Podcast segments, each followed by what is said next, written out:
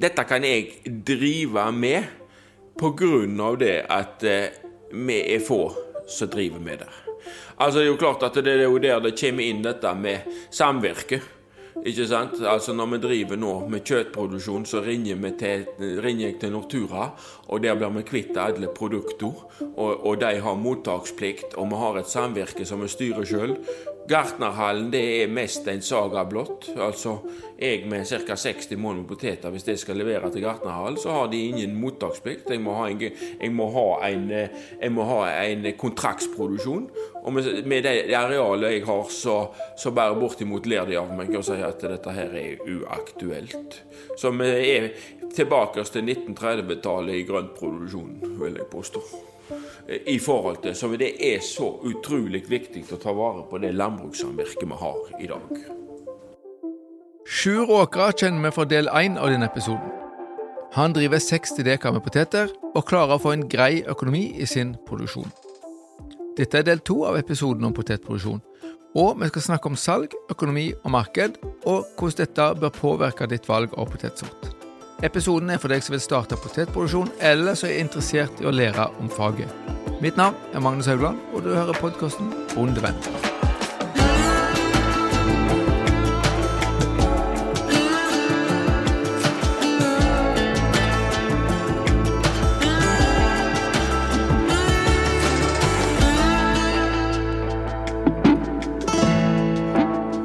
Podkasten Bondevennen blir presentert i samarbeid med Sparebank1 SR-Bank og Tveit Regnskap. Vi bidrar til at bonden lykkes. Mange som begynner med, med potet, de har gjerne en forventning om å selge mye hjemmefra eller på torget. Og det er klart, da, da kan man jo oppnå en høy pris og et lite volum. Problemet der er jo når man skal oppskalere. Hvis man skal ha nok nok omsetning til å kunne forsvare en del investeringer i, i maskiner og sånn, så blir det gjerne det blir, blir for liten omsetning da, på sånt salg. Du hører her Sigbjørn Leidal, potetrådgiver i Norsk landbruksrådgivning Agder, og han har jobba mange år med potetproduksjon.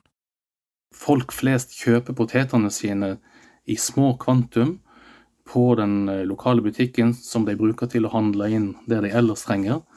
Og det er ikke så lett som det var før å få folk til å, til å reise en annen plass, og reise hjem på gården og, og, kjøpe poteter. Det er noen som lykkes med det. Så vi har, eh, vi har gode eksempel på at det, folk greier å ta ut en god pris på et ganske betydelig kvantum òg, med heimesalg, men det er jo ikke noen for de mange produsentene, selvsagt. Men noen lykkes altså. Sjur er en av de som lykkes både med produksjon og salg hjemme. Jeg har jo areal sjøl, så jeg tar opp og som jeg gjør hele prosessen med i forhold til opptak, sortering, pakking og salg. Så det er jo det som er opplegget. Sånn at her, her, har vi jo, har vi et sorteringsrom der vi, sorter, der vi sorterer. Uh, tipper kasser i ei sjakk med en tippgaffel. Sortere og pakke. Det finnes en god del potetprodusenter som Sjur, som lykkes med et begrenset volum, og som omsetter sjøl. For Sjur sin del så er det snakk om 60 mål med poteter som han dyrka. Skal du produsere større volum, så må du få en kontrakt med et potetpakkeri. Dagens potetproduksjon eh, baserer seg på leveranse til større matpotetpakkeri, eller til, til grossistleddet, da. I den sammenheng så, så følger jo prisene en, en, politisk avtalt eh, målpris som hvert år er til gjenstand for diskusjon i jordbruksforhandlingene. Så hvis man ønsker å starte med litt stor produksjon i dag, så er det jo gjerne eh, dyrking av eh, industripotet på kontrakt til en av de større mottakerne, f.eks. Hoff Norske Potetindustrier på, på Klepp på Jæren. Det er jo en mulighet til eh, som, som regel har mulighet til å ta imot større volum. Og for å helle litt kaldt vann i blodet. Leidal poengterte til meg at det er ikke plass til så veldig mange nye potetprodusenter. Potetsalget går litt ned, og mange eksisterende potetprodusenter ønsker seg større kontrakter, men helt umulig er det ikke. Produserer du matpotet, altså poteter som selges løst eller pakka i butikkene, så må du forholde deg til matvarekjedene på en helt annen måte enn om du er vant med å produsere kjøtt, melk eller korn. Det er to muligheter der. Det er enten gjennom som potetprodusent så må en enten forholde seg til Gartnerhallen Bama-systemet, som igjen leverer sine poteter videre til Norgesgruppen, Kiwi Meny osv. Men de har også eh, kontrakter med Rema 1000, Gartnerhallen Bama altså. Den andre muligheten er jo Nordgrønt produsentforening, som har sin leveranse videre til Coop-systemet med Ops, Mega, Prix osv. De dummeste bøndene får de største potetene, heter det i ordtaket, som visstnok skal være tysk. Men uansett, produserer du poteter, vil store poteter bidra til stor avling.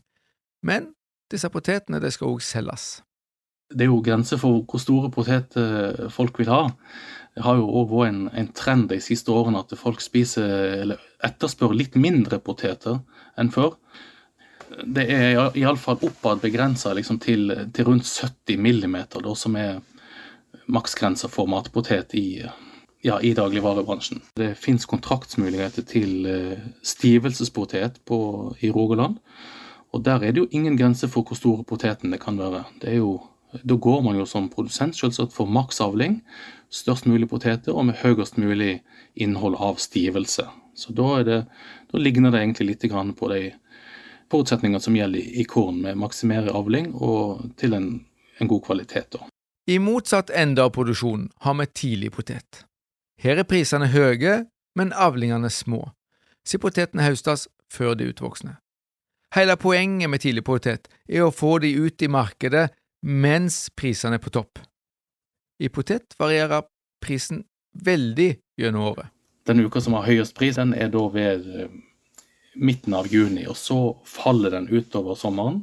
Den har sitt laveste punkt i september, når, eh, når alle kan levere poteter, kan du si. Da har alle oppnådd, eh, eller de store områder av Norge har da oppnådd full avling. Og eh, da er prisen på sitt laveste. Da er den vel ned på rundt fire kroner kiloen, hvis jeg ikke tar helt feil nå.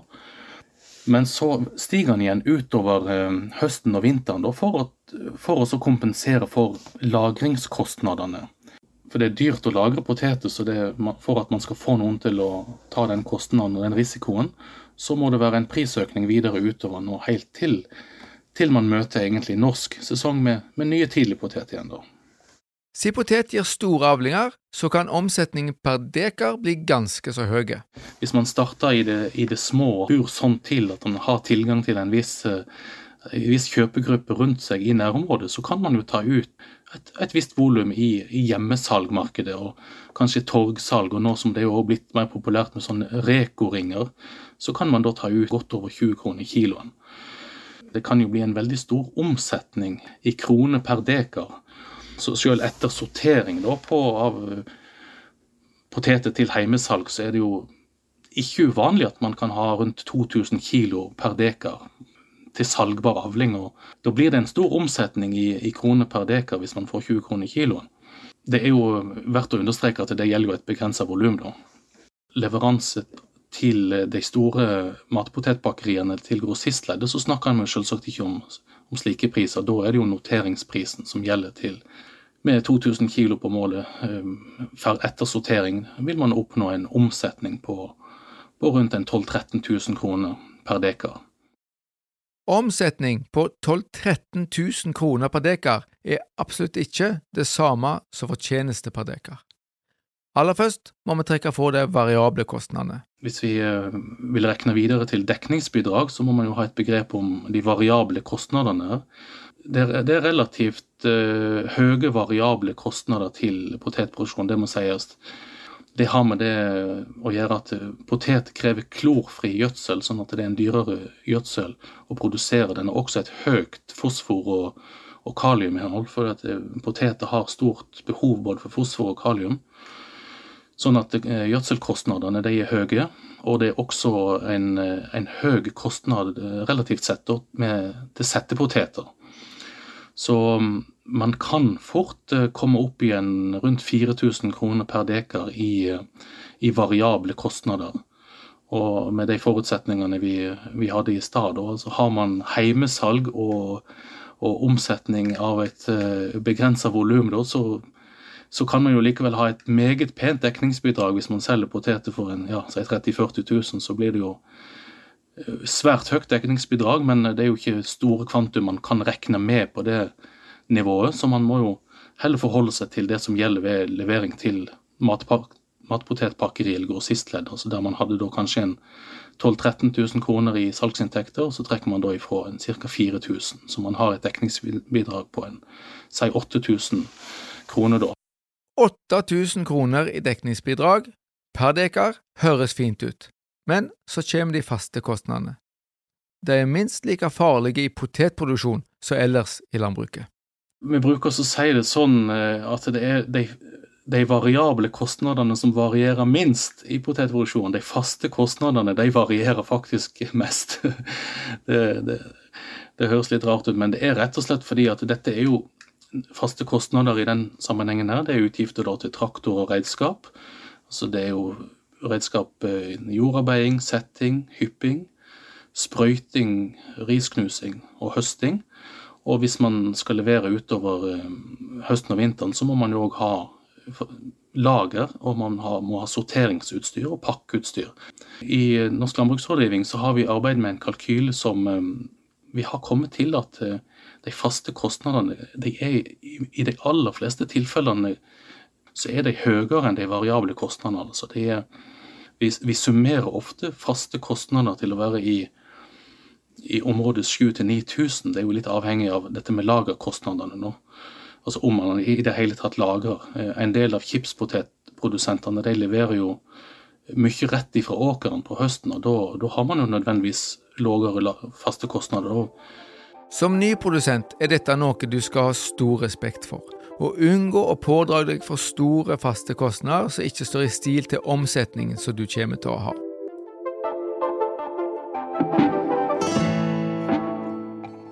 Denne episoden er sponsa av Felleskjøpet Rogaland Agder. Felleskjøpet arbeider hver dag for din lønnsomhet som bonde, og for lokal og norsk matproduksjon.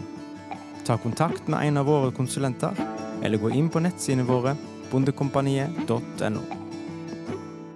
Eh, det er alltid kjekt å diskutere potetsorter med, med, folk, og kanskje spesielt eldre folk, for det er mange som har nesten et sånt lidenskapelig forhold til potetsorter. Vi har en hel haug med ulike potetsorter med forskjellige egenskaper som passer til ulike formål. Du kan ikke gå for den potetsorten som gir størst avling, men derimot må du satse på den sorten du får solgt. Og her må du kjenne markedet om du skal selge potetene sjøl. Den eldre garden de, de forbinder liksom god potetkvalitet med kerspink. Men det er jo sånn, når en begynner å se litt sånn teknisk på det, så er jo kerspink en veldig sånn tørrstoffrik potet. ikke sant? Den er mjølen. Og det, det, er litt spesielt med det norske markedet, at vi er veldig glad i sånne sorter som er mjølende. Vi har iallfall tradisjonelt vært det. Mens vi skal ikke lenger enn til Danmark, så, de, så har de en helt annen oppfattelse av hva som er en god potet. Der er det mye mer fokus på at de ikke skal koke i stykker med, når de fosskoker koker i vann. Så det, det er såkalt fastkokende poteter. Så det som er i handelen i dag i Norge, i matpotetmarkedet, det er en sånn blanding egentlig av sorter som, som er fastkokende, da, for at de vil tilfredsstille litt sånn ja, nye forbrukergrupper, som de sier, litt yngre folk, og kanskje som folk som henter inspirasjon fra utlandet. Det er sorter som har litt lågt tørrstoff, og som du kan koke da, ja, frostkoke i vann, og de er like hele når du tar dem opp av kjelen. Mens eh, liksom den litt sånn feinschmeckergarden. Da er det kerspink som gjelder, og det er mandelpotet, og det er mange som husker pimpernell. Det er sånne typiske sorter som har høyt tørststoff og troll. Men, men, det er liksom en dreining likevel over i, i mer sånn fastkokende og tørrstoffattige sorter i det norske markedet nå. altså den største sorten nå eh, i matmarkedet, det er Asterix, og den har det er mer en sånn kombinasjonssort som, som tåler kroking ganske godt, men som samtidig har smaken i behold. For det, for det er ikke til å legge skjul på at uh, det er en viss sammenheng mellom tørrstoffinnholdet i potet og smaksopplevelsen. Tørrstoffinnholdet har altså betydning for smaken i konsumpotetene. Men for et storkjøkken er det gjerne andre egenskaper som er viktige, for eksempel at det skal fungere godt til skrelling det er en sort som heter Folver, som egentlig er en dansk industrisort. Den har kjempeavling. Det er ikke umulig å høste fem tonn på mål på den. Du kan høste mer òg, enkelte på Jæren. Men det er, det er, en sort som eh, som, som, har et veldig høyt avlingsnivå, men som, som ikke er sånn superpopulær i, i matmarkedet. Da. At det er litt sånn litt, litt industripreg på han, han får gro ut iallfall. Men, men den har jo et bruksområde hvis han blir høsta litt tidligere på litt mindre størrelse, til, til skrellepotet. Så Folva er dansk, og det er òg en annen sort i Danmark som heter fakse, som er blitt veldig populært i, på sandjordsgardene både på, på Jæren og på Lista og nedover Sørlandet her. Den egner seg godt til, eh, til ferdigmat. altså Den tåler kokinga godt. og det er Poteter som går til storkjøkken og ja, sykeheimer og sykehus og sånt, det er veldig ofte fakse. Så det er en sort som egner seg godt til det, da. Noen plasser i landet produseres det chips. Da er vi blant annet tilbake til svartfarging ved varmebehandling. Til andre bruksområder, sånn industribruksområde, chips, som vi har vært inne på, så er det helt andre sorter som blir brukt. For da er det um, sorter som har spesielle egenskaper, uh, som tåler den friteringa uh, som jeg nevnte i chips, at de skal bli skal ikke under noen omstendigheter bli brune chipspoteter, for det er stygt det, Folk liker ikke å, å ha sånn, og så er det òg en viss fare for at det er en del sånne litt skadelige stoffer i sånne brent, brent sukker. Gir noen sånne skader som ikke er bra for folkehelsa. Sigbjørn snakker her om akrylamid, som er et kreftfremkallende stoff som blant annet dannes ved steiking av poteter, sånn at disse blir mørke. Vi har tidligere snakket om at potetene ikke må lagres for kaldt før varmebehandling, men valg av rett sort har òg betydning for å redusere akrylamidmengden i maten. Og, og, sist, men ikke minst, også industripotet. Når en skal bare lage potetmjøl, så er det én ting som gjelder, og det er stor avling og høyt tørrstoffinnhold, eller stivelsesinnhold. Da er det å makse det ut med, med det, og da er det helt andre sorter. Potetmjølproduksjon er liten etter lands, men i den produksjonen så gjelder det altså å produsere mest mulig tørrstoff per dekar. Og da begynner det å ligne på korn- og grasproduksjon, hvor avlingsmengde ofte er avgjørende for å få til en god økonomi. Vurderer du potetproduksjon, så kan det være lurt å snakke med en av Norsk Landbruksrådgivning sin lokale rådgivere, for denne episoden går mot slutten. Før du kan gå i gang med potetproduksjon, så må du finne ut hvordan du skal få solgt avlingen.